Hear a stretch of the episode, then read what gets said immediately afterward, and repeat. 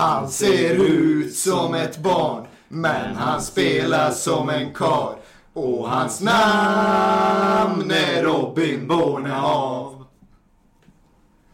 Han ser ut som ett barn, men han spelar som en kar.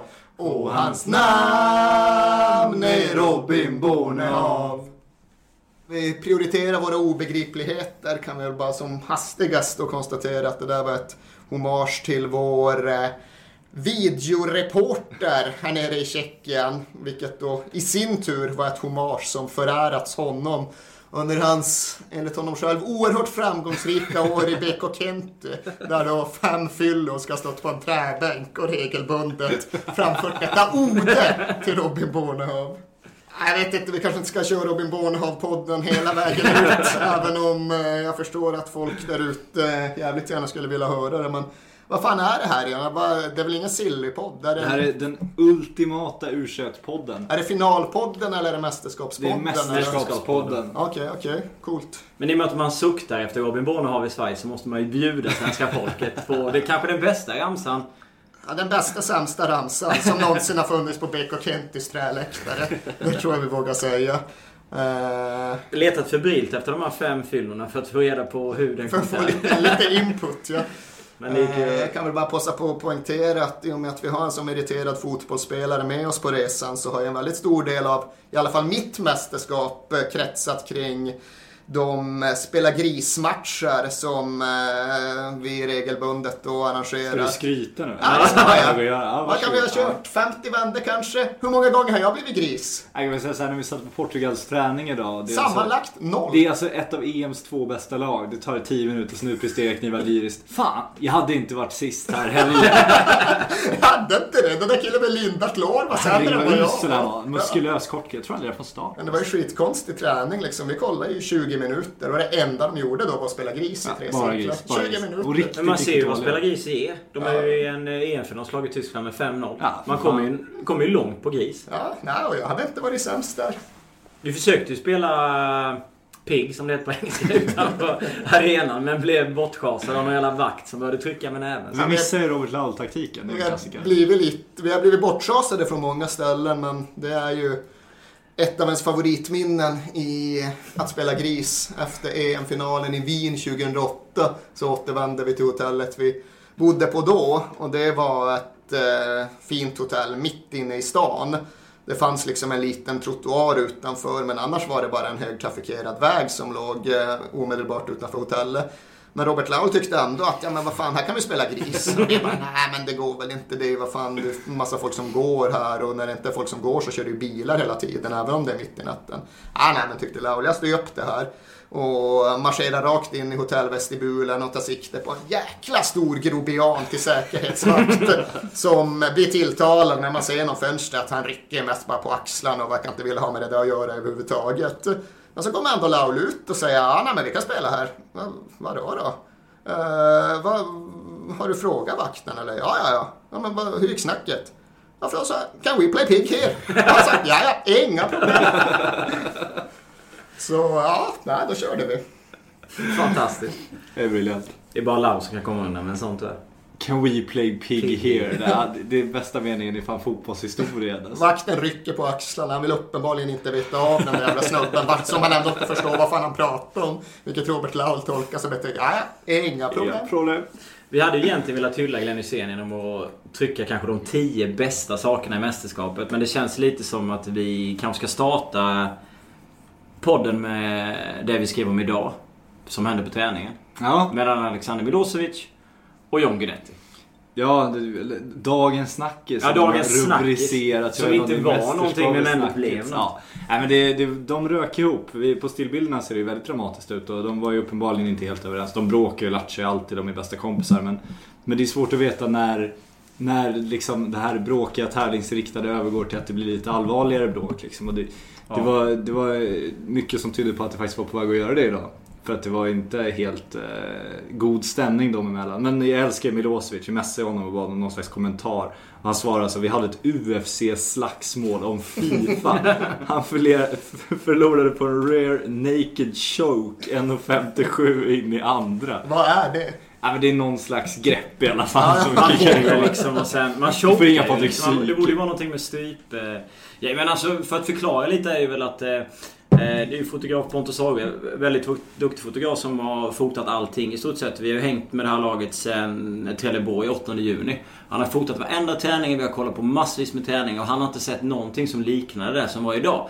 Och, men det betyder ju inte det att det var liksom ett, ett allvarligt bråk. Och vi skrev ju ändå i vår text att liksom, vi visste ju inte heller utan det var ju mer liksom spekulation om hur det var. Och vi gillar ju att spekulera, det är helt okej. liksom. Så det var ju Vi skrev med- vad som hände. Ja, vi skrev vad som hände och man såg Lindelöf och Khalili var framme och pratade med dem. Och det var säkert inget, eh, inget farligt med det. Men det är Jag tror klart inte de att... slog ihjäl varandra efteråt. Nej, det tror Jag inte tror det var, vad var det, en rear neck show? Rear Det var neck ganska choke. skiten. Ja. Men det är klart det kan bli lite sådär när man eh, retas lite och eh, det är liksom dagen innan en, eh, en EM-final. Ja, för fan. Det finns en anspänningsnivå. Ja, Men det är som Lagerbäck brukar säga, va? nothing really happened. Nothing happened, ja, apropå Ljungberg och Mellberg 2002. Då, vi, då det var ganska svårt för honom att argumentera mot, höll på att säga världens rullande kameror, men det var ju faktiskt bara Aftonbladets Janne Flash Johanssons Ja, rullande lyssna på det här nu så han ju näven i taket. Ja, det, det är alltså livs absolut största ögonblick, vilket han inte tvekar att berätta om både 84 och 87 gånger. Eh, Men vi ska väl inte sitta och bli alldeles för extreminterna när det kommer till Borne Hafs och Janne Flash. Eh, Så vi kan väl ta det vidare. Vart ska vi Jönsson? Alltså jag känner ju eh, att det har hänt så in i helvetes mycket. In Ska vi börja från början eller ska vi börja från slutet? Jag Vi vet kan väl, inte. fan kan vi inte köra lite mood setting ändå? Det är Ja. jag, är natten före finalen. Och eh, jag pratade precis med några som hade varit nere på stan. Jag har faktiskt själv inte hunnit ner på stan idag. Men de berättade att det var ett sataniskt tryck. Eh, sataniskt svenskt tryck. Då nere på torget. De hade suttit i och för sig ganska högt upp på någon uteservering. Eh, bra många våningar upp i luften. Men där hade liksom ljudet seglat upp till dem. Det hade stigit upp från gatorna och från torgen. Och det var svenskt och det var blågult och det var ett jävla hålligång. Och det var ju ingenting som förvånade mig. Men det var gött att höra. Men jag har verkligen märkt under det senaste dygnet att eh, har blivit översköljd av berättelser från folk som är på väg ner hit med alla till budstående medel. Det är de som har liksom åkt hemifrån mina trakter och kört bil över Finland och Baltikum för att komma hit. Jag vet att det är några andra som har satt sig i bilen och kört från Luleå, vilket är 235 mil enkelväg. Fick ju meddelande av någon jävel som hade säckat ihop utanför Hannover och blivit bärgad och var i den fasen på väg för att komma hit. Och, ja, ja, det är verkligen en folkvandring som pågår och det är fängslande att eh, följa den i stort som smått. Men allt det här bidrar ju till en jäkla känsla av förväntan inför det som komma skall. Det kommer bli en maffig morgondag oavsett hur nu fotbollsmatchen slutar på kvällen. Men man känner ju någonstans att laget i sig har ju överraskat enormt, imponerat väldigt, väldigt mycket. Fansen har ju samtidigt också överraskat och varit helt fantastiska. Och själv känner man ju någon slags så här hopp om, inte kanske bara hopp om fotbollen, men hopp om livet. Lite när man är med om en sån här sak. Det kanske är stora ord att ta, men man känner det inombords. Alltså saken är att jag skickade för 10 minuter sedan in min eh, inför finalen-krönika och den var skriven på precis det temat. Bara just att fan, hopp om livet igen. Ja, men liksom. man känner ju det. Jag kände när jag skrev det, bara fan nu trampar jag väl. Fan folk kommer ju tycka det här är sånt jävla pretentiöst pekoral. Alltså det är fan inte mycket taktisk analys i den texten utan det är just så här en svepning om eh, hur jag inbillar mig att eh, en sån här upplevelse kan lyfta ja, en individ i mitt fall. För det har det verkligen gjort. Det här var det så jäkla positivt att man verkligen känner sig inspirerad.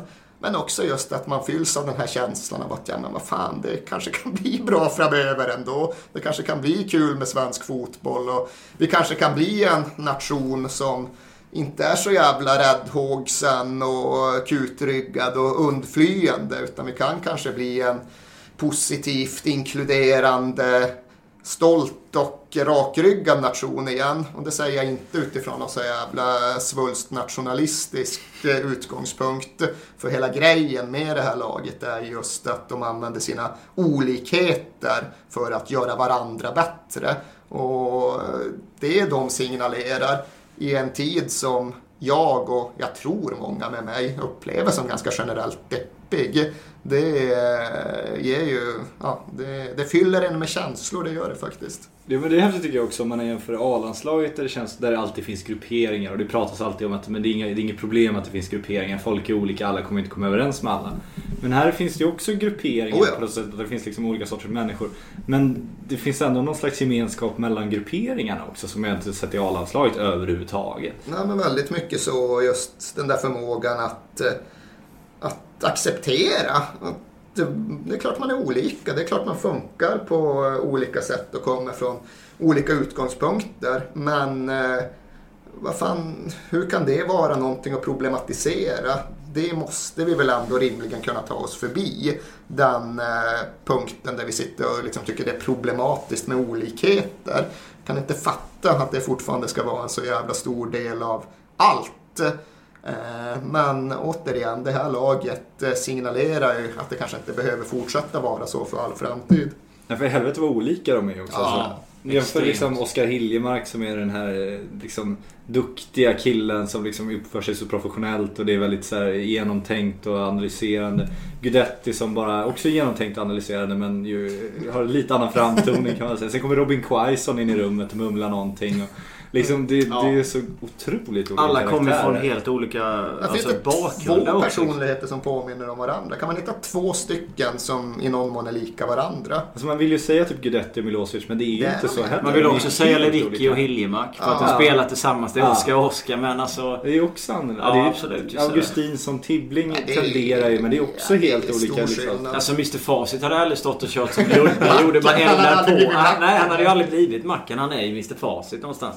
Fan vi älskar macken, kan vi inte stanna vid Ja, macken? men vi, kan, vi kan ju bara ta, det är ju en stor, det är inte en stor del, men det, det är en liten eh, symbolisk del av eh, hur jävla väl det laget funkar. Det är ju deras fantastiska förmåga att ge varandra smeknamn. Så, liksom eh, bensinmacken, det är det bästa idrottssmeknamn jag har upplevt på år och dag. Liksom. Sitter och romantiserar de här gamla tiderna när folk hette Stöveln och Lillstöveln och Pröjsen och Lillpröjsen. Och, visst, det har sin charm, men bensinmacken utifrån då, för de oinvigda, att Ludvig Augustinsson eh, refererade till de engelska spelarna som lite överskattade inför gruppspelsmötet lagen emellan. Och de andra spelarna upplevde att han hade givit bensin då till dem. Och därav fick namnet Bensinmacken. Det är ju så jävla briljant. Ja. Och Mr Facit på Tibbling är också Ja, det är fantastiskt. liksom. fantastiskt. Lever rätt, gör rätt, spelar rätt. Men här svar på allting, tycker att han vet allting, känner som och så vidare. Men det känns som det här är unika också. Alltså, Augustin som går ut och och, eh, ger liksom motståndarna tändvätska. Vad gör svenska spelarna? De blir inte irriterade utan Nej. de vänder det till positiv energi. Ja. Vi skriver om något som händer på träning som, som vi kan tolka som ett bråk, som ser ut som ett bråk, som man inte riktigt vet vad man ska ta vägen med. Och så blir de irriterade då över att det kanske förstoras upp lite mer än vad de upplever att det gör? Nej, de skickar ett UFC-skämt liksom och skickar ut det som ny rubrik på vår sajt. Ja, det Liksom. var ju också, du skickade ju sen svars-sms till Alex. Bara, vad fan, eh, ska jag publicera det? Han bara, ja, ja, för fan. Ja. Ja, men de lyckas ju vända det till någonting som de själva drar nytta Ja, men de av. är ju fan inte probleminriktade. Jag är Nej. fantastiskt probleminriktad som person. Jag tror inte jag är ensam eh, svensk om att vara det. Det är liksom mitt grundläge. Se problemen, eliminera dem eh, och försöka ta det därifrån. Men det här laget Eh, är ju helt annorlunda. De ser ju, för att ta klyschan, möjligheterna och tar det, börjar i den änden. Och det är också jävligt upplyftande. Och det kan ju också känna en kontrast mot A-landslaget just att eh, både utanför plan men också på plan. Allt är så jävla omständigt och man ska vara så Eh, eh, räddhågsen inför mer eller mindre allting och liksom det kvittar vad det är som ska genomföras. Och fan är det, är det komplicerat och svårt liksom. Medan här är ingenting komplicerat och svårt. Och jag är inte dummare än att jag inser att när man kommer upp på högsta nivå så är allting mer komplicerat. Där är allting svårare. Men jag vill ändå tro att själva grundinställningen, själva mentaliteten ska inte behöva vara sådan. Men är det inte någon slags trygghetsgrej? För vi, eller jag pratade med Thomas Brolin idag ju. Eh, apropå att jag tycker att Simon Tibbling rent utseendemässigt är väldigt, väldigt lik Thomas Brolin. Det är en anledning så god som någon. Då måste man ringa upp Thomas Brolin, så är det. Nej, men han var inne på det att det här är första gången sedan 94 han ser ett lag som liksom eh, gör varandra bättre. Nu kommer klyschorna igen. Men, men liksom, han var ändå väldigt tydlig med att han inte har sett det i A-landslaget. Han har inte sett det. Och det, det måste ju bygga i någon slags, att de har någon slags säkerhet tillsammans just. Att de vet att de har varandras ryggar på något sätt. Att det är en grupp och att de någonstans... Det bästa vänsterbacken, shunon vaktar din rygg. Exakt. Men Men, ja, alltså- men de, inte, de faller inte så långt. De kommer liksom ta hand om Ja, varandra. det Vilket är gör att de vågar liksom springa ut lite längre både uttalanden och på planen på något sätt. Liksom. Jo men alltså det måste väl, eller det känns lite så. Det är samma som när man tänker när man pratar med dem. Så även om Eh, bensinmacken sa ju faktiskt bara lite överskattade. Men i brittisk press så blev det ju precis som att han hade bara hällt bensin på en jättestor brasa som var brann. Men jag tycker samtidigt att de är, att de är vältaliga. Många av dem. Ja. Eh, Det är klart att vissa är blyga och inte säger så mycket men de är liksom ganska brighta hela, Ja, hela bunten med att prata. Smart, vet vad, man, vet vad man ska svara på frågor. Tänk, liksom man står där och försöker elda på vissa personer kanske lite mer för att man vill ha lite grejer. Men de uttrycker sig ändå väldigt, väldigt bra.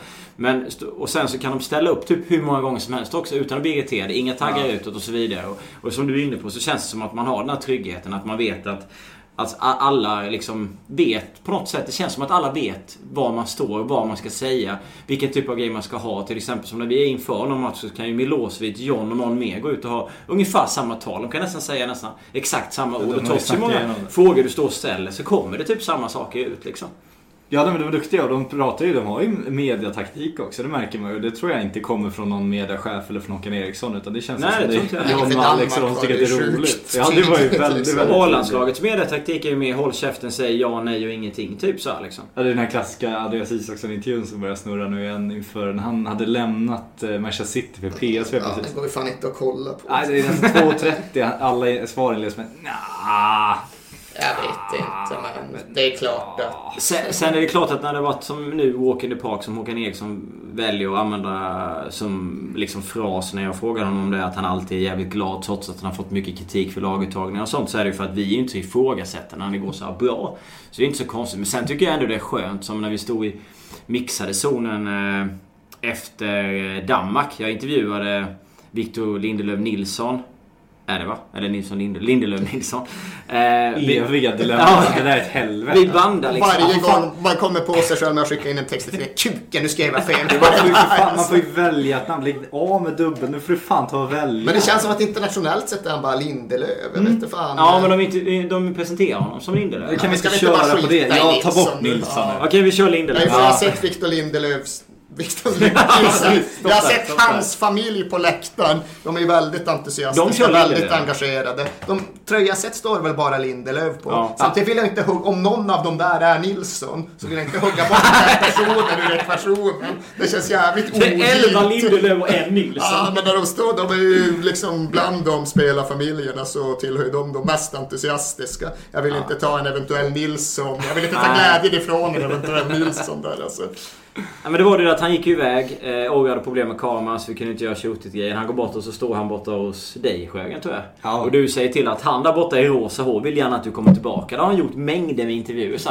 Han kliver gladeligen tillbaka liksom och snackar igen, ger glädjevålet. Det var likadant idag när vi intervjuade honom. Så stod han och pratade ett tag så kom de och sa nu får du gå över för att det är liksom TV4 som ska intervjua dig. Nej fan tyvärr grabbar, det blev inte så lång tid liksom. Det var nästan som man bad om ursäkt, garvade lite och så gick han. Så här. Men jag tycker det är roligt. Det är Ja, de tycker ju det också, liksom. Sen är det klart att, som du var inne på, så kan det säkert förändras. När du kommer upp och blir äldre och så vidare. Liksom. Men det är ju underbart att vara en del av det och få vara med om det. här. Och det är liksom inte bara att man är journalist och liksom i det perspektivet att man är med på det på det sättet. Utan man märker ju ändå på folk som är hemma och folk som har kommit hit. Jo men att bara kolla vandringen. Vandringen Ja, handlar ju inte om att de ska komma och titta på vacker fotboll. För alltså, ärligt talat, Sverige spelar den överlägset tråkigaste fotbollen i hela sin... Alltså vi har ju sån cynisk... Ska man titta på liksom... Hade ett motståndlag spelat så här så hade vi ju spytt galla på dem liksom. För att de är, det är så cyniskt spelat tråkig bättre? Jag såg inte alla deras matcher. Men Tjeckien vet jag. Definitivt. Tjeckien alltså. körde ju som Tjeckien fan. körde ju, Tjeckien körde Ja, som fan. ju... Sen är det Alltså, med What the fuck is Boring football. Som Roy Hodgson satt och sa 1978. du förstår precis vad jag Ja, Ja, jag förstår precis vad du menar, även om jag inte riktigt delar det ingångsvärdet. Nej, nej, visst, men jag, det är ingen kritik, men det är ett konstaterande att det är inte därför svenskarna kommer till, Nej. till Nej, Tjeckien. nej. Och det är inte för att hänga med Lindelöf i mixed zone heller. Nej, Nej, de kommer att för att de står bakom och känner liksom gemenskapen, hoppet och hela den Ja grejen men som alla känner ju med laget. Det märker Ja. man verkligen på alla. För att de har ju verkligen vunnit allas kly- mycket klyschor nu, men man landar ju liksom där. Ja, men det blir ju det. Men man, de är ju människor och de tillåts vara människor. De vågar vara människor. Och det är då man kommer nära någon. När någon sitter och säger ja, två och en halv minut. Det är svårt att relatera till den personen. Sen är det så fantastiskt också att vi... Att det har liksom inte bara gett en så här, en, eh, vad ska man säga... mm, Skön liksom kvartsfinalsförlust. Utan det de har chansen Ja, att få ja. är liksom, i potten till slut är en mästerskapstitel. Det är helt sinnessjukt. Det är, Ja, det är helt overkligt, utanför alltså. kartan. Och, ah, jag ska inte ge mig in i den där diskussionen om hur man ska värdera en framgång på U21-nivå kontra en framgång på A-landslagsnivå. Men det man kan konstatera är ju att eh, liksom oddsbesegrandet är unikt i svensk fotbollshistoria. Det är inte så att eh, en framgång aldrig har inträffat förut. Men det här att de faktiskt har varit nederlagstippade i, vad är det, 7, 8, 9 matcher i rad. Har varit piskade att vinna var och en av dem. Förutom att ja, de hade ju faktiskt råd med en förlust i gruppspelet mot England. Men i praktiken har de varit piskade att vinna. Om det nu är åtta raka matcher där de har varit mer eller mindre solklara underdogs. Liksom att lyckas med det en gång, två gånger. Eller att lyckas surfa sig igenom ett mästerskap genom en lätt lottning och lite tur med marginalerna. Det är klart att det är också en grej. Men det här är ju någonting som vi aldrig kan hitta om vi går igenom de eh, digra svenska historieböckerna. Det är ju en så osannolik resa fram hit som naturligtvis också adderar jättemycket som är en väldigt central del av historieskrivningen kring allt det här. Jo men det blir ju det. Du är ju inne och tassar på, på kvalet lite där. Om man tänker sig bakåt i tiden. De hade väl otroligt mycket bolltapp. Pratar om när man tänker spelmässigt och få poäng och var väl tvungna att vinna de fem sista. Grekland, Turkiet och, och vad det var med. Och sen har man slagit Frankrike och tagit sig vidare från en grupp med liksom de tunga nationerna. Så det är ju liksom inte någon så här B-lag de har mött, eller lag som redan har varit klara för någonting. Nu kanske jag är inne och tassar lite på Holland på hemmaplan när vi slog dem med A-landslaget. Men liksom, allting har ju varit, varit krig rakt igenom. Liksom. Och de har fixat det som, som ett lag. När vi, när, du var ju med på Örjansvall, eh, Niva, när de vann där med 4-1 och när de hade förlorat nere i Frankrike. Jag, jag var ju där nere och jobbade då var de liksom helt inställda på att vinna när de kom hem. Och jag tänkte, ja, ja fan, man kan ju alltid snacka om det. Sen är det en annan sak om man gör det. Och det gjorde de ju liksom. Men jag, jag vet bara, de senaste två åren, min enda relation till u har varit att jag tvingats sucka mig igenom en halvtimmes presskonferens innan Erik Hamrén kommit upp och presenterat Ja, alla lite så, varenda jävla gång. Och då kommer de här tabellerna de visar, Håkan Eriksson kommer upp, man tänker ja, det är en jävligt positiv person det där. För det är ju bara skit i tabellen, det kommer ju aldrig gå. Liksom. Kan ni gå undan nu så vi kan börja med det riktiga liksom? Och det har man ju fan fått käka upp nu. Alltså. Ja men Sam Larsson sa ju det idag att det är ju... Det är ju kul att eh, folk har börjat bry sig om u för det är ju fan ingen som har gjort det typ innan. När det stod i Mixade. Det är ingen som har brytt Nej, men det är när man suttit på en presskonferens tänker man så här, ska jag skicka hem någon text där, liksom. Men det är, ingen, det är ingen som läser dem. Det har inte funnits något intresse. Nej, och jag det- har ju inte varit intresserad själv heller. Men det har ju varit lite den här grejen som det är med, ja för den delen damlandslaget i fotboll, men också med eh, handbollslandslag på både herr och damsidan. Att folk har bara brytt sig när det har blivit mästerskap. Och det har inte varit mästerskap så ofta. Nej, det kan man säga. Ja, men jag kommer ihåg, för jag gjorde ett längre reportage om det förra lyckade u landslaget 2009-upplagan. Jag var med dem till någon baltstat, vilken var det? Lettland eller någonting. Tommy Söderberg tyckte det var asbra att det var Lettland för det var bra miljöträning. Att de skulle få, få bita ihop och käka statsbetong. Liksom. Inför Göteborg så jag... Ja, exakt. Men då var det också verkligen att det var noll människor som brydde sig i de där träningsmatcherna. Det var, ju, det var inte en svensk journalist på plats överhuvudtaget på vare sig hemma eller bortamatcherna. Så det var helt eh, avstängt. Men det ska bli intressant att se ifall det återgår till det nu. Jag ju svårt att tro det för att det kommer ju i och för sig inte riktigt vara ens det nya, det yngre u landslaget som tränar inför OS. Men på något sätt måste de ju hålla liv i ett OS-lag även efter turneringen. Eh, Jag vet inte riktigt hur det blir, men där kommer det väl ändå finnas ett intresse. Så vi snackar ju efter Zlatan med A-landslaget. Det blir ändå ett efter Guidetti med u Ja. som kommer vara rätt kännbart också. Alltså. Och de enda gångerna vi har brytt oss om u när vi väl har brytt oss, så är det för att någon har gått ut och svingat mot någon laguttagning. Då har vi inte Ja, skrivit så, om så blir det ju alltid. Men folk kallar ofta journalister för ambulansjägare. Klart som fan. Det blir ju när det händer Mm. saker. Det, är då, det är då det är relevant att skriva också. Så. Nej men alltså jag, jag tror faktiskt att det kan liksom eh, hålla på i alla fall. Det måste ju hålla på över eh, OS i Rio. Annars känns det ju jättekonstigt. Ja, nej, men det kommer det ju. Och sen kommer alltså många av de här spelarna, för att inte säga en majoritet, kommer ju testas i A-landslaget inom den närmsta tvåårsperioden. Så de här spelarna kommer man inte tappa relationen Nej. till. Sen är just frågan vad som händer med U21-landslaget som koncept. Men att det blir ett uppsving, det är ju tveklöst så. Sen hur stort och hur varaktigt det blir, det får vi väl se. Men A-landslaget då? Vilka går in i ett A-landslag Bensinmacken. Ja, macken, är, ju, alltså, ja, macken är ju fan nästan där redan nu. Ja. Nu tycker jag ju för Martin Olsson är helt okej okay och han kommer ju gynnas av att Norwich eh, gick upp igen. Ja. Oskar Wendt har gjort det bra i Mönchengladbach på sistone, det är ju tveklöst så, men macken är ju redo liksom. Ja. Jag har ingen aning om hur mycket det ligger i det där snacket om Liverpool, men jag förstår ju att det uppstår, för han är liksom klar seniorspelare på väldigt hög nivå här och nu. Han hade ju ett problem idag där med Liverpool. Ja, med United. Eller? Exakt så. jag, jag håller inte så mycket på dem, sa han om Manchester United som han är uttalad supporter Vi har varit inne på det innan. Får att du ställde frågan till honom ganska tidigt va? Att, om, eh, att han var United-fan. Ja, jag gjorde det på... jag gjorde det under den intervjun när han blev bensinmacken. Det är lite, det är lite egendomligt det där, för jag vet ju att det var jag som ställde frågan som satte honom i klister och jag är ju inte riktigt ditt fel där. Ja, träder du fram. Ja, det kan jag göra. Jag ser inte mig själv som rubrikjägare och själv använder jag inte ens det där citatet. Du spelar inte ens Vi kör ju. Ja, men jag, jag frågade ju, ja men hur fan, jag kommer inte ihåg exakt hur jag frågade, men den var ju formulerad som att, ja, hur värderar du själv de engelska spelarna? Är det så att eh, de lever upp till sina rykten eller tycker du att de är överskattade? Och så, ah, nej, men lite överskattade är de ju. Så tog han det därifrån. Men det var ju just... Eh, så tog brittisk media det därifrån också? Det var just i ett längre sammanhang om hans eh, innerliga intresse för engelsk fotboll som han tydligen mm. alltid har haft. Han har verkligen varit den där typen som har följt Premier League-sändningar sedan han var jätteliten. Haft ett stort intresse för Manchester United men också den där uttalade eh, uttalade kärleken till det traditionellt brittiska spelsättet. Hans favoritspelare var jag vet inte om det fortfarande är det, men det var i alla fall den gamle Gareth Bale, vår Gareth Bale, Tottenham Gareth Bale. Wow. Kanske framförallt när han var vänsterback då och verkligen bombade fram och körde ja, kunde styra en plan från en position där nästan utgick som vänsterback. Och det var det där... innan han förvandlades till Cristiano Ronaldo rent utseendemässigt alltså. Ja, det var ju när vi släppte honom. Ja, det, sen kan vi inte svara för resten. Nej, sen har det spårat ur. Men det gillade ju Macken liksom. Macken tyckte att fan, så som Bale spelade när han var den riktiga Gareth Bale, killen som representerade Tottenham, så ville han också spela sin fotboll. Så det ligger inte jättelångt bort att tänka sig honom i Premier League framöver, det gör det verkligen inte. Så han är klar. Eh, Milosevic är ju också ja. mer eller mindre, han, det är väl frågan om inte han startar när eh, kvalspelet börjar igen till hösten.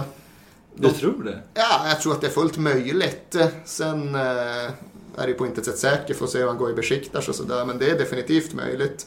Baffo pratade ju Hamrén sig. Det var ju den spelaren ja, han verkligen... Sveriges varann. Ja, Sveriges Jocke, Sveriges nya Jocke Björklund mm. och allt det där. Så han kommer väl få sina chanser om ja. han kommer in rätt i en ny klubb. Helander vet jag inte. Det beror ju verkligen på vad som händer med hans eh, karriär på, på klubblagsnivå. För man vet ju inte om det blir Grekland nu, då eller aldrig eller hur det blir. Eh, vad fan spelar högerback? Lindelöf. Ja, men han har ju varit jättebra. Ja, jag tror inte, jag tror Hamrén, Hamrén pratade ju från det. Han verkar ju som att han knappt hade hört talas om honom från början. Men var väldigt imponerad av Oskar Lewicki var också väldigt förvånad över Lindelöf. Han sa det, han har ju tränat med oss men han har inte fått spela något. Så han har inte sett honom spela heller. Han har liksom ingen aning heller. Och han var också, alltså, han, också djupt imponerad. Ja. Alltså. Han har ju skött det där prickfritt. Ja, alltså trygg med bollen, kliver ju upp liksom. Inte rädd överhuvudtaget. Skär in i banan. Ja, jag vet. Han bara kör. Fantastisk. Alltså. Nej, kommer han in och får börja spela lite i Benfica så är det självklart så att han är högt upp i en sån diskussion. Så ja, där har vi mer eller mindre hela backlinjen bara där. Lewicki och Hiljemark är självklara. Hiljemark har ju redan varit där och varit mer eller mindre ordinarie i truppen. Lewicki kommer ju få sina chanser. Ja. Eh, Khalili och Tibbling känns ju mer svårbedömda. Brolin ska ju in. Ja, Brolin ska in för fan. Nej, men de kommer ju få sina chanser där också, tveklöst. Och inte bara på några... Ja, i och för sig, de har ju flyttat ut, det blir inga januari-turnéer. Men och tusan kommer att få chanser. Kiese är ju också mer eller mindre redan ordinarie.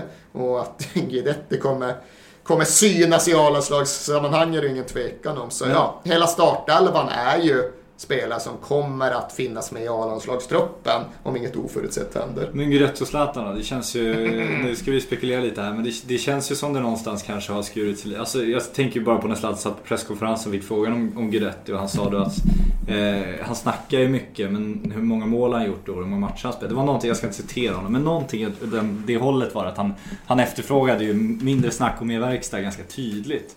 Och när han ändå är så tydlig i sin kritik mot en spelare det är ju ganska ovanligt. Menar du att han eventuellt styr och kanske inte vill ha med honom så länge han är där utan att han bestämmer? Nu är det konspiratoriskt. Nej, jag bara ställer att, att det kanske pågår någon slags... eh, Att det finns någon slags maktspel där kanske. Att eh, Zlatan gillar ju inte när andra tar för mycket plats i min personliga Ja, men det var därför jag tänkte just den Ja, frågan. han kanske inte vill ha bort honom från truppen men han kanske Nej. vet att han som junior ska veta att det är han som ska ta vattenflaskorna. Ja, så kan det ju kanske. absolut vara. Men jag tror, nu gjorde ju han... Han kommunicerade ju via sin app här att han eh, eh, i någon mån tog tillbaks eh, några av sina uttalanden just om mörkret som väntar svensk fotboll efter att han slutar. Nu, jag kommer inte ihåg hur han uttryckte sig men det var... Motbevis. Ja, exakt. Och jag tror nog att eh, det han sa i relation till John Guidetti på något sätt inkluderas i den avbönen. Så uppfattade jag det i alla fall. Sen är det ju i mina ögon så att Zlatan Ibrahimovic spelar landslagsfotboll i ett år till. Han kommer köra över ett EM och det är möjligt att det blir OS.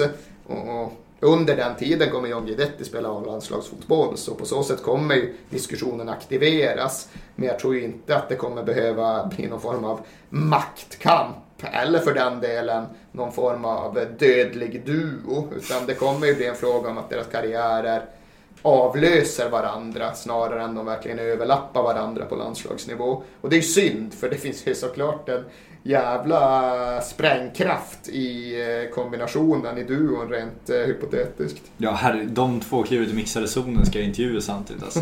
Helvete. Ja, det är jävligt tråkigt på så sätt att han eh, hade den jävla kycklingen där för fan då, annars hade vi fått eventuellt några år liksom Ja, med ja. dem tillsammans. Nej, var men vi stod ju där innan liksom. EM. Då var vi helt 100% säkra på att John Guidetti skulle in i en EM-trupp och han skulle ju förmodligen Han skulle ha men startat Ja, ja. premiären med tanke på att skadeläget blev som det blev och det var ju jävligt sorgesamt att det inte blev så. Framförallt eftersom att det skulle ha inneburit att Robert Laul skulle ha behövt promenera hem från Kiev. Han hade ju... Han hade han, varit ja, han hade givit det löftet. Jag har ingen aning om varför. Jag kommer inte ihåg varför han nu var så övertygad Sök att... inte logik i. Niklas uttalande. Ja, men av någon anledning var jag, Laul helt övertygad om att det var fullständigt uteslutet att John Guidetti skulle spela EM-fotboll för Sverige. Och det här var ju under perioden före kycklingen när han vräkte in mål i Feyenoord. Så Laul Nike- Nike räddades ju köpte reklamplats på Stureplan och skrev vår nästa stjärna är född typ. Ja, om det nu var Ja, han eller Nike det. eller hur det ja, var. Just Men, det. men eh, ja, i alla fall Robert Laul räddades av kycklingen vilket var jävligt trist för ja, rimligen hade han behövt promenera över Vitryssland och där, den uh, strapazen hade... can I play pig here? Men Ja, man, ja, inga problem sa Lukasjenko. men man kan ändå känna att även om... Eh, nu är ju Zlatan unik så sett och vi kommer ju förmodligen kanske aldrig se en som spelar under de åren som vi lever. Men man vet väl ändå efter det man har sett här att landslaget kommer ändå bli intressant att följa. Eh, med tanke på de som kommer upp och särskilt med tanke på hur John är som människa och den karaktären, personligheten som han har. Liksom. Men jag tycker det är kul, alltså det, det är en kulturkrock nu också mellan förbundskaptener kan jag tycka. För att vi hade ju Lagerbäck som hade ett ganska cyniskt taktiskt spel. Det kom Hamrén som lovade nya vindar och skulle offensiv och piska på och spelande Mm. och så vidare. Och det är inte det vi har se här. Nej men nu kommer Håkan och lite tillbaks till det här väldigt Ja. styrda taktiska. De är ju helt öppna med att det är det som är deras vapen. Att de liksom har en annan syn på fotboll. Att de spelar mer cyniskt, mer taktiskt. Kan liksom tänka sig bort bollen och... Hur såg det ut i U17? U17 samma sak, Ja, extremt defensivt, jättemycket så. Och väg. då undrar man ju liksom, alltså, ska Hamrén ta över det här laget och börja spela fotboll nu? Eller ska Håkan ta över A-landslaget? Hamrén kör ju också ett år till. Eh, Det tror jag verkligen. Nu kommer jag inte med några eh, väl underbyggda avslöjanden här men det är min fast bestämda känsla att han kör över EM och sen blir det inget mer ifall det nu inte händer något jättekonstigt. Antingen att de kollapsar och förlorar alla matcher under hösten eller att de gör ett sensationellt bra EM. Men jag tror att det blir en vända till med Hamrén och Eh, eller ja, det blir ett år till och sen blir det något nytt. Sen om det blir Håkan eller Jörgen Lennartsson eller vad det blir, det får vi väl se. Men blir det en eh, mer klassisk Lagerbäck-fotboll? Det tror jag. Det tror jag. Alltså, svensk landslagshistoria har ju sett ut så i åtminstone 40 år. Att det har varit den där pendeln som alltid har gått ganska dramatiskt från det ena till det andra. Först var det, ja det var ju Håkans farsa, HB Eriksson, som sannoliken inte var någon defensivt eh, taktiskt drillad systemtränare. Men han hade ju landslaget under den tiden då just Bob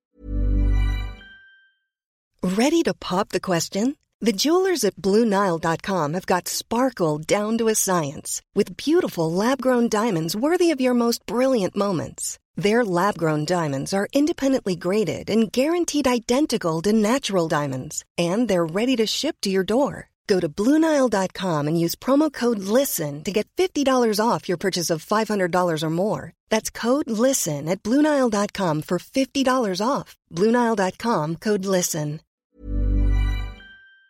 Roy kom in och verkligen revolutionerade klubblagsfotbollen. Så sen svängde ju det lite grann. Och eh, nu kommer jag ju inte ihåg ifall det var Laban direkt efter Åby. Fy fan vad folk tycker det är tråkigt att sitta och höra när jag har gamla När var det smeknamn Åby? Åby 70-talet. drog 79 va? Ja, och Laban kom in där i alla fall. Ja men i alla fall, Laban och Åby, de var jättemycket tjo och tränare och det skulle vara, ja men de var Hamrén-tränare för att prata en ny terminologi. Sen kom ju Olle Nordin som var Lagerbäck. Då var det verkligen pendeln från Laban till Olle. En jättedramatisk från det ena till den andra vändning. Sen var det ju för Tommy Svensson som eh, visserligen kom väldigt mycket från ah, det vi nu får beskriva som Hamrén-hållet. Det tror jag Tommy Svensson skulle uppfatta som orättvist. Men han kom från det hållet. Men samtidigt tog han in Tord Grip eh, som på den tiden uppfattades som en Lagerbäckman Ja, ja. utifrån den här terminologin. Bra terminologi. Då menar man att det blev då en eh, symbios, att det blev någon form av liksom mellanväg som vi alltid har letat efter men sällan har hittat. Ja, för Och, 94 ingen var ju ändå, vi hade ju tre väldigt offensiva anfallsspelare nästan samtidigt som vi hade ett, ett väldigt bra defensivt innermittfält Vi såklart. spelar bra, vi spelar ändå bra fotboll. Ja, det var ju rullande Ja. bra fotboll liksom. Ja, Det var men inte det- bara långt på Kenneth. det ses väl just som någon form av medelväg där vi verkligen hittade rätt och klarade av att utnyttja olika styrkor snarare än bara se till en. Men ja, därefter blev det ju Söderberg och Lagerbäck, vilket ja, vi får väl ändå beteckna Lagerbäck som en Lagerbäck skulle man göra det. Och sen då Hamrén som vi någonstans ändå får säga en hamrén Alla Lagerbäck för en Hamrén tränare hade varit underbart. Ja, det, det var det festligt. Nej men så det har varit väldigt mycket just från det ena till det andra. Och jag tror ju absolut att efter Hamrén så kommer det finnas en eh, längtan efter en lite större stadga i den svenska landslagsfotbollen, det tror jag. Långa bollar på Kiese. Ja, och John. Och John. Och sen kommer det ta ett tag så vill man ha shine i Ja, nej, Så nej. går det ju alltid upp och ner. Ja men det är ju som politiken också. Man tror, Ja, till slut tror man ju att andra är bättre liksom. Man tröttnar ju alla. Ja, är det verkligen så? Är du så jävla ideologilös alltså? Ja det är jag. Ja, Okej. Men det känns som Gröset, eh, grö, alltså nu älskar ju alla Lagerbäck helt plötsligt. Alla bara tycker att han har Exakt, är stordåd. Han modegrejer, velat liksom. tillbaka honom. Ja. Sätt honom i, på en landslagsbänk i två år, sen vill de få åka bort honom. Ja, vill då ska han spela- igen tillbaka. Ja, då ska han igen spela för fotboll för då fick vi ut mer roliga Ja men det är fan Zlatan gjorde han folk, alltså mål. fan folk, sådana som du Sjögren. Det är ju Ja, för jävligt Ja, men alltså. jag kan- inte säger ny röst i omklädningsrummet. Nej men jag när Hamrén kom, jag var superlycklig. Alltså för, men det berodde också på att jag kände att när vi hade Ljungberg, Zlatan, alla de här på en gång och inte riktigt försökte tyckte jag. Det kändes som vi liksom spelade på att vi skulle ha marginalen på vår sida. Vi tog oss vidare, vi, till mästerskap absolut, vi tog oss vidare från gruppspel ofta men det blev liksom ett lotteri. Det handlade om vem som skulle träffa stolpe in mot Senegal liksom. Det var det det handlade om. Vi vågade liksom inte vinna matcherna utan vi, vi hoppades inte förlora dem bara. Och då kände jag att det här skulle, det hade varit så kul att bara testa med det laget och försöka spela lite fotboll. Men, Exakt, men sen när halsduken väl kom, då var ju spelarna borta. För Hamrén om man ska vara rättvis har fått en, en väldigt, alltså hans trupp är ju inte tillräckligt bra för att spela ut de bra lagen. Så är det. Så det är ju nu Lagerbäck, Lagerbäck borde ju haft Hamréns lag och Hamrén haft Lagerbäcks lag. Men det hade finns ju säkert de som kan tänka sig att det här U21-landslaget som vi följer nu borde ha sett lite annorlunda ut när matchen startar med typ så här jättetalang som Simon Gustafsson som sitter Ja men det säger folk. Men han är inte tillräckligt bra. Liksom, ja, jättetalang Simon Gustafsson. Ja, han spelar Allsvenskan. Han, Men att han man är har inte jätteordinarie. Ja, sen så ska han upp mot William Carvalho liksom. Då kan vi ju jämföra jättetalang Jo absolut, jag menar bara vad det, alltså just det där med att vissa hade säkert tänkt tänkt att man skulle ha en annan typ av tränare och ställt Ja, upp i en 4-5 ja. och spelat en annan typ av fotboll. Men jag tror inte att de hade gått i närheten lika långt om Nej men nu har vi ju anpassat efter materialet. Ja, det tycker inte jag absolut. att Hamrén riktigt gjort med A-landslaget. Nej, det har Och det tyckte jag inte Lagerbäck gjorde heller, eh, anpassa sig efter materialet. Utan de var ju lite mer, de gick på sina ideologier och tittade inte riktigt på vad de hade kan jag tycka. Ja, men, ah, Det är, en- det är en lekmans tolkning det här. Men. Nej, men det är fascinerande där just den nutidens eh, fixering vid en ny röst i omklädningsrummet. För ja, du gjorde ju själv passningen till politiken och det är ju konstaterat att det är precis så nu för tiden. Det är helt Ja, men det är ju alltså statistiskt omöjligt i Västeuropa för något politiskt läger att vinna mer än två val i rad. Mm. Det går inte, det händer inte längre. När det är tredje valet då är folk så jävla trötta på eh, det regerande blocket så att då röstar de alltid bort dem. Ny röst i omklädningsrummet. Exakt Det så. är helt skitsamma med just en ideologisk prägelse. Det, det är två mandatperioder, sen en ny röst i omklädningsrummet. alltså det är sån här, nu är det typ så jävla klyschsnack här igen. Men det känns inte det bara för att det går så snabbt i samhället idag. Man får så mycket information och man vill ha förändring överallt. Det alla är så jävla nojiga i samhället Jo, idag? jo finns det är också. Men alltså en, kom, kvar. med en det finns kombination. fan inga, men det finns Det finns bara populister. Ja. Det finns bara populister. Ja, så du lyssnar. Ja men jag är sån också, absolut. Men jag är, jag är formad av min verklighet, så är det. Ja, nej, vi kan komma in här på en väldigt eh, djupgående diskussion om demokratins dilemma. Jag lyssnade på en intervju med Barack Obama bara häromdagen och då ondgjorde han sig just lite grann över folks förväntningsnivåer. Att, de liksom inte, att det inte finns någon förståelse kvar för att man inte kan kränga ett demokratiskt samhälle 180 grader från den ena dagen till den andra. Och liksom ifall man inte får allting man har tänkt sig precis just här och nu, ja då ska det jävla in en ny röst i omklädningsrummet. Och får man inte då, ja då ska det vara en annan. Eh, vi ska inte fastna där, men jag kan absolut tycka, som den uråldriga gubbtjuv jag numera är, att eh, bristen på tålamod på och utanför fotbollsplanen är eh, lite problematisk. Ja men det har ju med samhället som det ser ut idag. Ehm, definitivt. Känner du att eh, det folket vill ha nu, det är ytterligare en vända av Nej, nej jag, bara, jag bara kommer att tänka på att du ska lägga dig, lägga dig i en, en sillyplats. Och där är det också likadant att folk vill byta spelare. Ja, ja, ja, hela jävla tiden. Liksom. Och det är, därför man, det är därför det är så många människor som gillar silly med. För att det kommer nya saker varje dag. Oavsett om det är liksom så här en liten halv promille sanning så tänder man till liksom och bara går igång liksom. Ja, men det var en relevant, befogad Ja samhällsanalys. men det är ju, alltså det är verkligen så. du. Ja, Alltså, men jag, det är som Liverpool nu, de värvar ju som galningar, har Klein på gång nu. Macken Och- ska in. Macken ska in. Ja men då, då tänker man såhär, shit de har varit jävligt bra Liverpool alltså, nu är de på gång. Och så var det väl Telegraph eller något som sammanställde deras elva liksom. Och när man går igenom hela elvan nu, det, det känns inte jättemycket bättre ändå. Men bara för att det kommer ett lite nytt blod så känner man helt plötsligt, jävlar nu jävlar händer det grejer liksom. Ja, Och sen kommer du sitta på en live eh, sista dagen när fönstret stänger och var femte fråga som kommer är, är det något nytt om Liverpool? Ja. Är något nytt om Liverpool? Är något nytt om Liverpool? Så och så har man spar, sparat på den 400 gånger men så kommer den igen. Och Liksom. så det är visar ändå all jävla empiri att det som ger framgång på lite sikt är att gnugga. gnugga spelmodell med en eh, fast spelartrupp under flera års tid liksom. Men det skiter ju folk i för det är inget kul. Det är fan ingen Nej, men när, man, när man köpt sin säsongsbiljett och går till första matchen på hösten då vill man ju se lite nya ansikten, så är det ju. Drag under galoscherna som en stor politisk tänkare en gång formulerade.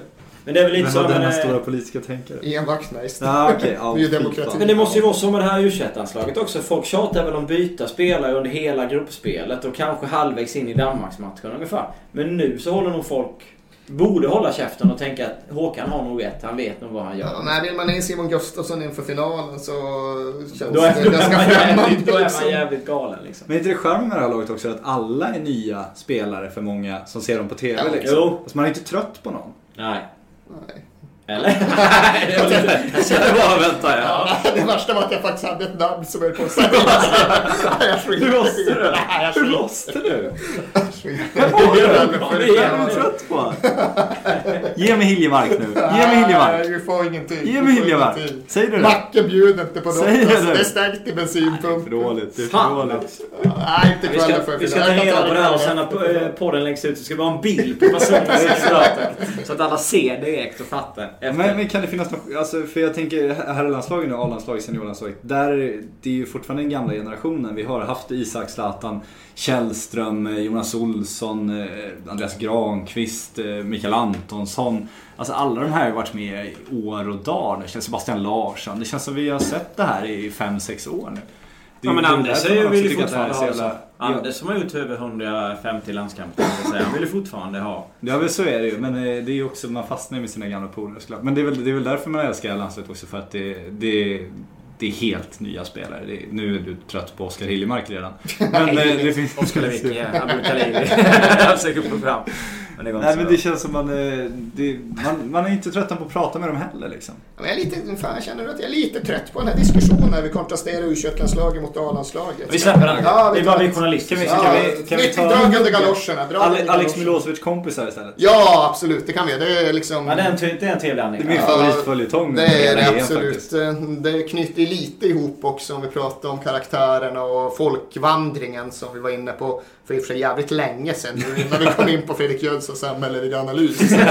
Men eh, det är ju så att väldigt många av de här spelarna har ju familjer och polare nere på plats. Vi nämnde Klan Lindelöf tidigare och ja, nej men alla spelare. Det har också varit kul så att följa spelarfamiljerna på läktarna när de står och sjunger med i sångerna. Alltså det är jättefint att se. Och då var det någon gång jag frågade om började fråga Alex Milosevic vilka av hans nära som var nere. Och det hade ju varit några. Farsan hade varit nere och väntat han skulle tillbaks och sådär. Men, ja, men hur fan är det med dina polare från Rissne då? För jag vet ju att han har ett gäng där som han är jävligt tajt med. Så jag nästan utgick från att de var här. Och han bara, ja nej alltså. De sa att de skulle komma ner till första matchen. Jaha, men? Hörde, det fanns ju ett men. Nej, sen vet jag fan inte vart de tog vägen. Bara vadå, de bara dök aldrig upp. Men nej, alltså de bara försvann någonstans längs vägen. Jaha, vad fan, nu har det ändå gått ett tag sedan först. Vart är de nu då? Du, jag har ingen aning. Alltså det senaste jag såg, då var de på Kolmården och höll på att mata några jävla lejon liksom. Och jag vet inte, lejon det är väl, det är väl softa djur, men nej, jag, jag vet inte fan vad det handlar om liksom. Så gick det några dagar så frågade jag igen ja men fan nu då? För jag var ju anslutet till semifinalen. Nu måste de väl ändå vara här Alex? Fan semifinal och grejer, jävlar.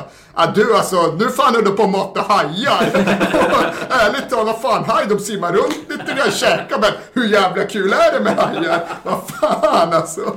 Och sen nu frågade vi idag bara, ja men final, vad i helvete, nu måste de i alla fall komma förbi Kolmården och närma sig Tjeckien. Du, de är tillbaka i Rissne.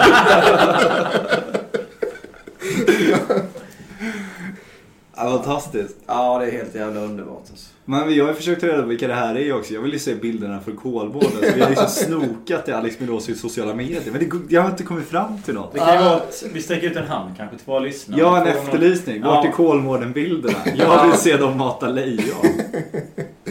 Ja, det där som John Guidetti sa apropå sina tatueringar. Jag uppskattar lejon som djur.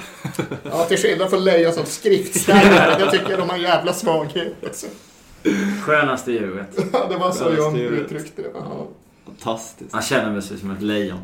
Ja, men det har varit jävligt många roliga incidenter här nere kan man ju lugnt säga. Ja, vi skulle ju fundera ut några, men jag, fan, jag, Josef Buff var i och för sig briljant häromdagen får man ju säga.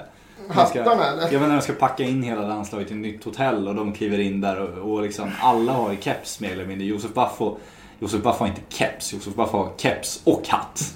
Vi skulle ju kört Buffo. Buffo, Buffo. Buffo, Buffo, Buffo, Buffo, Buffo! Det är ju lands... Det, fan, det, kanske Det är den vi- sämsta Ja, vi kanske ska prata om sångerna, men inför jag måste bara nämna det. Jag tycker det är fantastiskt apropå Baffo att han har nu annekterat Baffo som någon form av artistnamn. Alltså det är inte ett efternamn längre. Har han Nej, han har inte drivit på det. Har bara blivit så. Liksom. Så fort någon ska tilltala honom. Baffo, Baffo! Det är så jävla kul i mixen häromdagen när Lars Grimlund, mångårig reporter på DN, han bara, han måste ju vara i 60-årsåldern.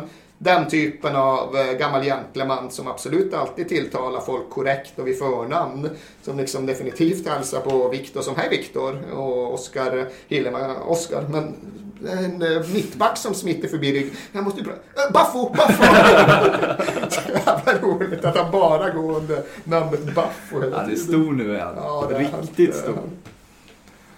Ja, vad fan sångerna var det där Ja, sångerna hade. Det- Hoppa om du älskar Sverige, hej. Ja, jag kom just på att vad fan, det finns inget att säga där. Fast det är bara fan, sett jo men vi får ju från- hylla sångerna lite för att vanligtvis när det är herrlandskamper och sådär, alltså det är alltid de här jävla andra sidan är ni klara Ja, den finns och... ju här också. Jo, men det inte är så lite- mycket. Nej. Men det finns en finurlighet här. Det har kommit en ny John-sång, det har kommit en ny Simon Tibbling-sång som vi får Ja, sjunga kanske. den passerar vi snabbt. Men de hade någon av, om Olomouc till tonen av Satellit. Du var inne på den. Olomouc. Aha. Så var det väl. Vad var texten? Aha, Ingen aning. det, finns, det finns ju en annan John-sång om kyckling och Zlatan. Ja, det finns någon jävla sång om att han hade 100 000 man också. Jag vet jag inte hur utspridd den är. Och det finns någon sång om den gula väggen som jag har hört att den har satt sig lite grann. Den är också liksom ny ändå. Så visst, Ja. det börjar skapas lite grann. Eh, Ja men det känns som en tajtare grupp nu som har varit med. Nu har inte alla varit med hela vägen men det känns som det finns en större finurlighet, en lite eh, lättsammare ton. Och det är lite ironi i ganska många sånger. Och det, det, det är inte samma allvar i allting. Ja, det är också någonting man verkligen hoppas kan sätta sig på samma sätt som man hoppas att själva spelarna kan förnya och revitalisera A-landslaget framöver så hoppas man ju fan att den här mästerskapsupplevelsen kan göra någonting för stämningen på hemmalandskamperna. Sen är det Fast ju det här sällan... sagt i flera år. Exakt, sen alltså. är det ju sällan så. Man säger ju alltid det efter Ja. mästerskapen för då har det varit sånt jävla tryck. Ja, och sen herregud. tänker man nu, nu brakar det Lyfter vi loss. Och sen är det Montenegro hemma inför 19 000. Och... Inte en jävel öppnar käften för. Zlatan gör Och ifall det är någon som försöker så är det ändå bara ljuddämparna som suger upp allt ljud. Konsertarena. Fan. Man kan inte ens säga egentligen att det är som att spela hemma, för hemma är så jävla uselt så att det är Ja, det, är, det är som att spela borta. Ja, det är som att svenska spela borta, har liksom. bra liksom, typ. stöd. Alla spelar borta där. Bortalaget spelar också borta. Nej, vi kan inte tänka på Friends. Då blir vi helt jävla nedslagna. Så är det. Men satan vad överlägset läktarstödet är för Ja, det det alltså, Det är ju helt brutalt. Danmark hade ju ändå en liten tapper skara där som var Jag känner lite att läktarstödet från Sveriges sida har varit ungefär lika bra som eh, den musiken som vi journalister har fått höra i Olomouc sista timmen innan matchen. De hade ju skiva så Fan, med- nu, nu ska du in smalt. Alltså, jag vet vart du är på Ja, väg. men du vet, jag har ju suttit och efterlyst den. De har kört liksom från en timme till innan avspark. Så de har alltid kört en god skiva. I Olomouc så var det ju den musiken som satt... Ja, kanske inte de bästa. Ingenting jag skulle lyssna på privat när jag är hemma. Men det var ändå någonting som eldade på. Du lirade ju till och med Ja, på den det, andra. ja, jag blev så förbannad här i Prag när de bara körde någon jävla konstig disco liksom. Det man har lärt sig om den här resan, ska det funka när Sverige spelar mästerskapsmatch, då ska det vara It's My Life med John Bon Jovi strax före kick-off. Summer of 69 med Brian Adams. Alltså jag fick ju micka upp Spotify och liksom dundra på It's My Life där på läktaren senast. Och vi slog, vi sa ju det att helvete, det var fan att man inte tänkte på det när man var på de här små arenorna i Radiste och så. Att fan, man hade ju bara kunnat köra Spotify, dunka på It's My Life där Sverige gjorde mål och så fort jublet hade lagt sig då hade ju hört det på planen liksom. Ja, det Ska fantastiskt. fan sitta och spela med Spotify på sidlinjen på små arenor framöver. Vad vill du lyfta mer? Av, eh, nu har vi lyft eh, jävligt mycket personligheter. Vi har tagit ganska mycket saker som har hänt i den mixade zonen. Med olika saker. Men eh, det känns som att det finns så jävligt många. Vi hade inte så mycket planering innan. Även om jag vill ha min Glenn Hysén- Glenn Hysén-lista på 10 bästa. Men Men jag tycker också, eh, om man, jag tycker det här John Guidetti, det känns som man, man har fått ändå tankesättet lite, för jag gick in i det här mästerskapet just med tanken på att det här är viktigt för Guidetti, nu ska han fixa sitt kontrakt. det är nog Det är många liksom- som har tänkt det. Exakt, och det känns som alla varit inne idag fick jag en frågan igen inför finalen. Att så här, känns det som du liksom har förbättrat din kontraktssituation eller i förhandlingsläge liksom nu? Och han är ju helt oberörd av det snacket. Det känns ju genuint som om han skiter i det. Ja, nej men det tror jag verkligen. Det är inte ett skådespel utan när han har varit här så har han faktiskt lagt det åt sidan. Han har varit här för att spela ett mästerskap för Sverige och sen så tar han allt det andra när han kommer hem. Oavsett vilket skick han är i och hur bra eller dåligt han har spelat. Och visst, det är också någonting att nämna att det har inte varit en grupp som är här och spelar för sina framtida kontrakt, vilket annars är väldigt vanligt förekommande på U21-nivå. Så det är absolut något som jag tror verkligen har gjort skillnad. Att Sverige har kunnat lägga det åt sidan medan flera av de andra deltagarnationerna nog har präglats av det tankesättet väldigt Ja, mycket. men det, är väl, det är väl nästan, alltså nu var det tyskarna var det som ute och käkade pizza liksom Ja, hur samma fan dag kan som semifinalen. Nej, Nej, ja. Nej men det blir Nej, jag konstigt. tyckte, jag är på Nivas sida, Nej men grejen här blir ju liksom att, så här, att det ändå, hela grejen blir att någon annan i laget reagerar på det, hänger ut dem. Och Emre Can går ut sen och bara, eh, ja vi gjorde inget fel. Men jag kanske hade lite för höga tankar om mig själv inför turneringen ändå ut och säger liksom. Och så här har visat att han kanske inte har Det presterat var lite, maximalt. klum, det var lite konstiga uttalanden från eh, båda dem, Ginte och... Ja, alltså, jag tänkte såhär, vad, vad, Ja, pizzahistorien är också konstigt. Men det jag Ja. menar är att det känns som de spelar egentligen för sig själva och att tolka de Men alltså. Håkan har ju varit inne på det typ. Eh, han tog ju, när jag snackade med honom om det så tog han ju Kiese Thelin som ett exempel och sa att Kiese hade aldrig Eh, eller haft svårare, eller om han sa alla, jag kommer inte ihåg exakt hans formulering, men han sa att det var mycket svårare för honom eller, liksom, att bli proffs i Frankrike om inte vi hade gjort en bra match mot Frankrike. För att ta ett exempel så tror han att det påverkade ganska mycket. Och sen så var han inne på det att det är klart, de här spelarna har ju satsat på fotboll, de har investerat liksom all sin tid, de kan inget annat. Det här är deras liv, det här är deras karriär, du har bara en karriär, du kan spela kanske 12-13 år efter det här. Men alla har någonstans förstått att om man gör ett bra mästerskap som ett lag så kommer folk se, eller klubbar se det här och då kommer du ändå kunna bli proffs. Istället för att bara gå in och köra din egen grej. Det kommer liksom inte funka. Och det är klart att alla de som har varit, är här har ju liksom stärkt sina aktier genom att göra en bra turnering. De har liksom kanske inte John... Alltså har ju inte varit liksom egoistisk och tänkt mycket på sig själv men han har ju ökat sitt värde ändå genom att vara liksom den spelaren han har varit och gjort saker. Det är klart att han har kunnat göra olika andra saker och kanske i någon match blixtrat till och gjort något extraordinärt för att han hade liksom skitit i det men man har ju ändå märkt att de har liksom köpt Håkans resonemang fullt ut. Ja, och så känns det också som just sammanhållningen att de gör det tillsammans. De skulle liksom inte acceptera om någon svävar ut och gör Nej. någon- Alltså då skulle han ju bli nedslagen av gruppen känns det som. Utan de, Men de Håkan sa det också, det liksom, att om någon går fel så får gruppen ta hand om det. Ja. Och det är därför man ser det också som att den största ledaren eh, i laget är ju John Guidetti. Den stora liksom utåt för alla är John Guidetti. Fansens favorit är John Guidetti. Alla vill prata om John Guidetti. Man gick fram till liksom podiet idag och det var Hiljemark som stod där. Ni andra stod vid John och så var det jag och en till vid Hiljemark och alla andra bara stod vid John. Det skulle varit med om Filip Helander och Lewicki häromdagen. Ja, men alltså- också. Det Alltså. blir lite så här typ att det är liksom, Och då välkomnar han ju in alla liksom hela tiden i sin grupp. Det är en helt annan sak än om det är ett klubblag eller om det är A-landslaget för den delen och så vidare. Liksom. Det är en helt annan grej på någonting. På något sätt liksom. Nej men det där är ju väl vedertagen omklädningsrumspsykologi och det tror jag nog att eh, ganska många tränare har som en av de första punkterna på sin att göra-lista när de tar ett nytt lag. Att det gäller ju att få ledarfigurerna på sin sida för det är de som drar med sig den övriga gruppen i en tydlig riktning. Och det är klart att det värsta man kan utsätta sig och sitt lag för det är ju en situation där alla ledarfigurer drar åt helvete men även när de drar åt olika håll är ju oerhört kontraproduktivt och förödande. Men lyckas man bara få rätt, eh, rätt attityd från de med högst status i omklädningsrummet så då är ju en otroligt stor gruppdynamisk seger vunnen.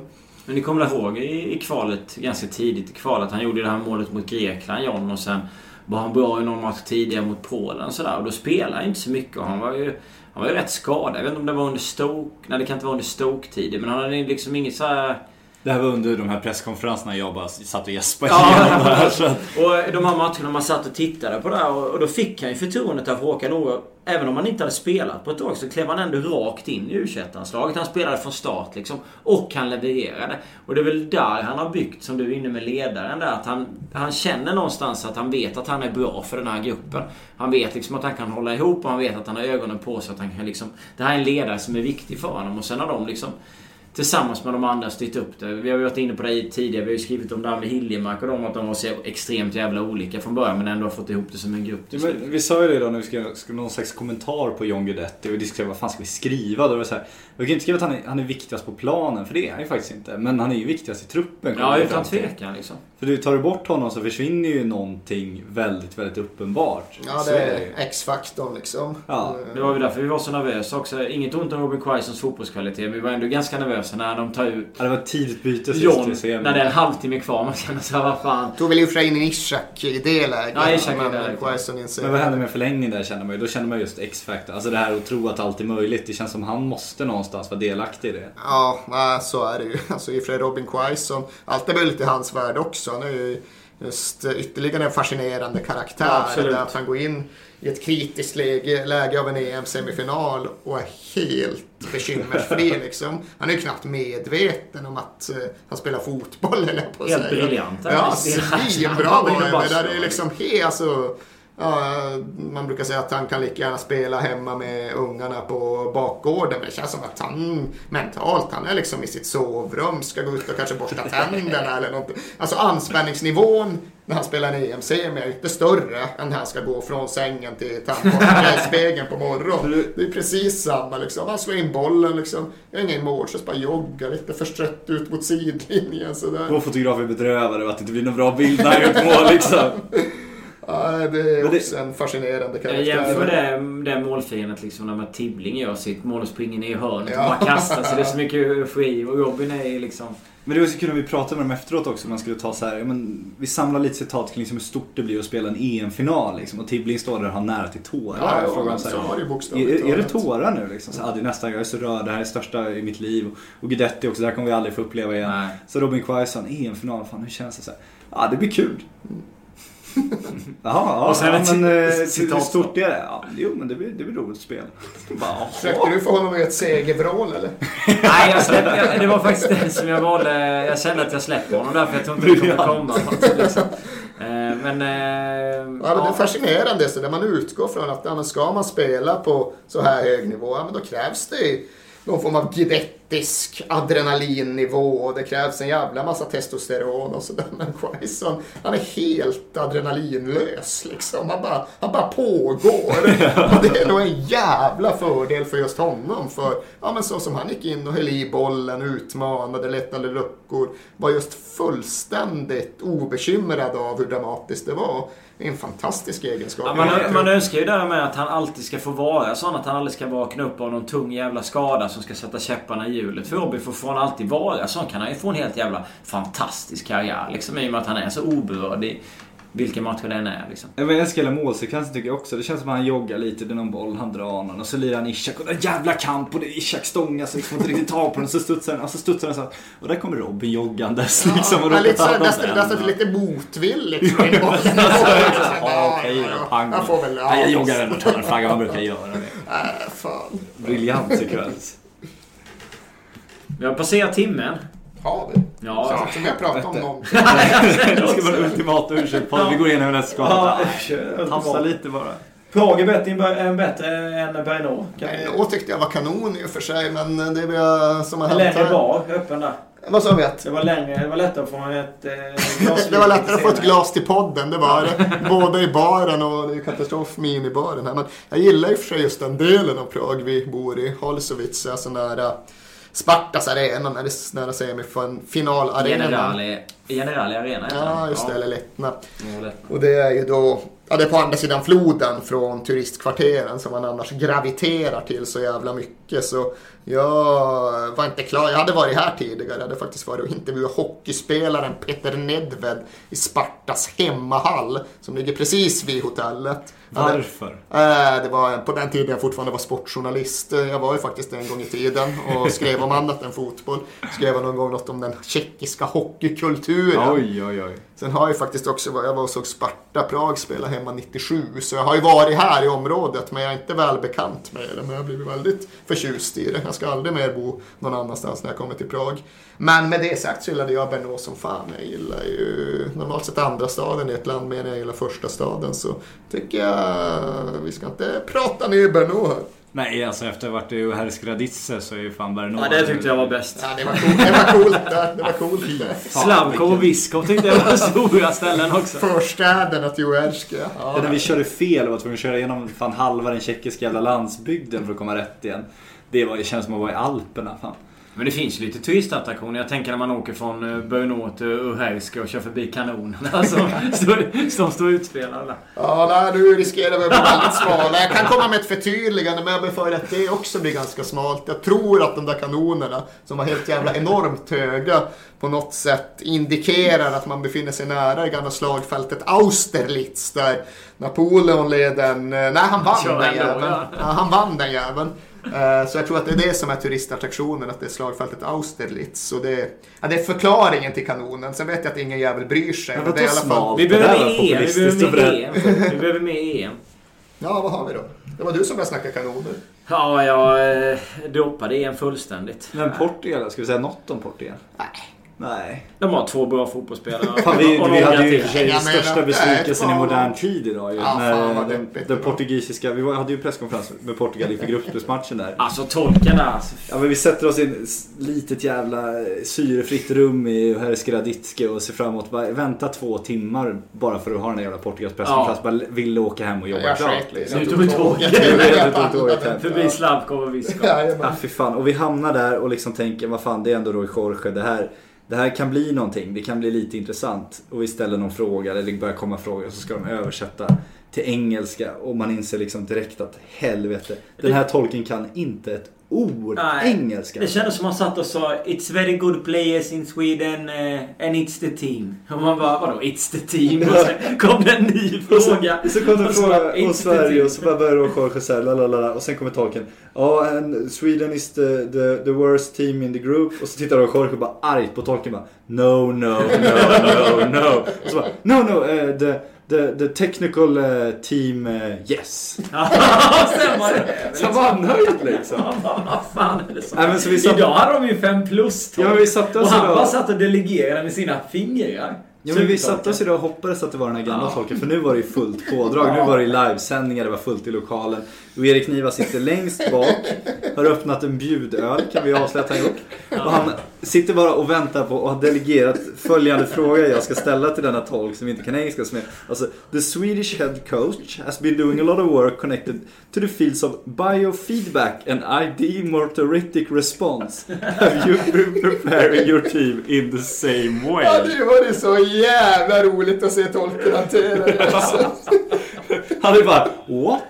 Och då var vi förberedda med hela den här Wikipedia-texten på biofeedback som jag då ska läsa upp förklara. från Ja, för det att förklara säger vad biofeedback Då ska Sjögren bara sitta och läsa innantill om vad biofeedback och ideomotoric response är för någonting. Och säga jaha, handle this din jävel.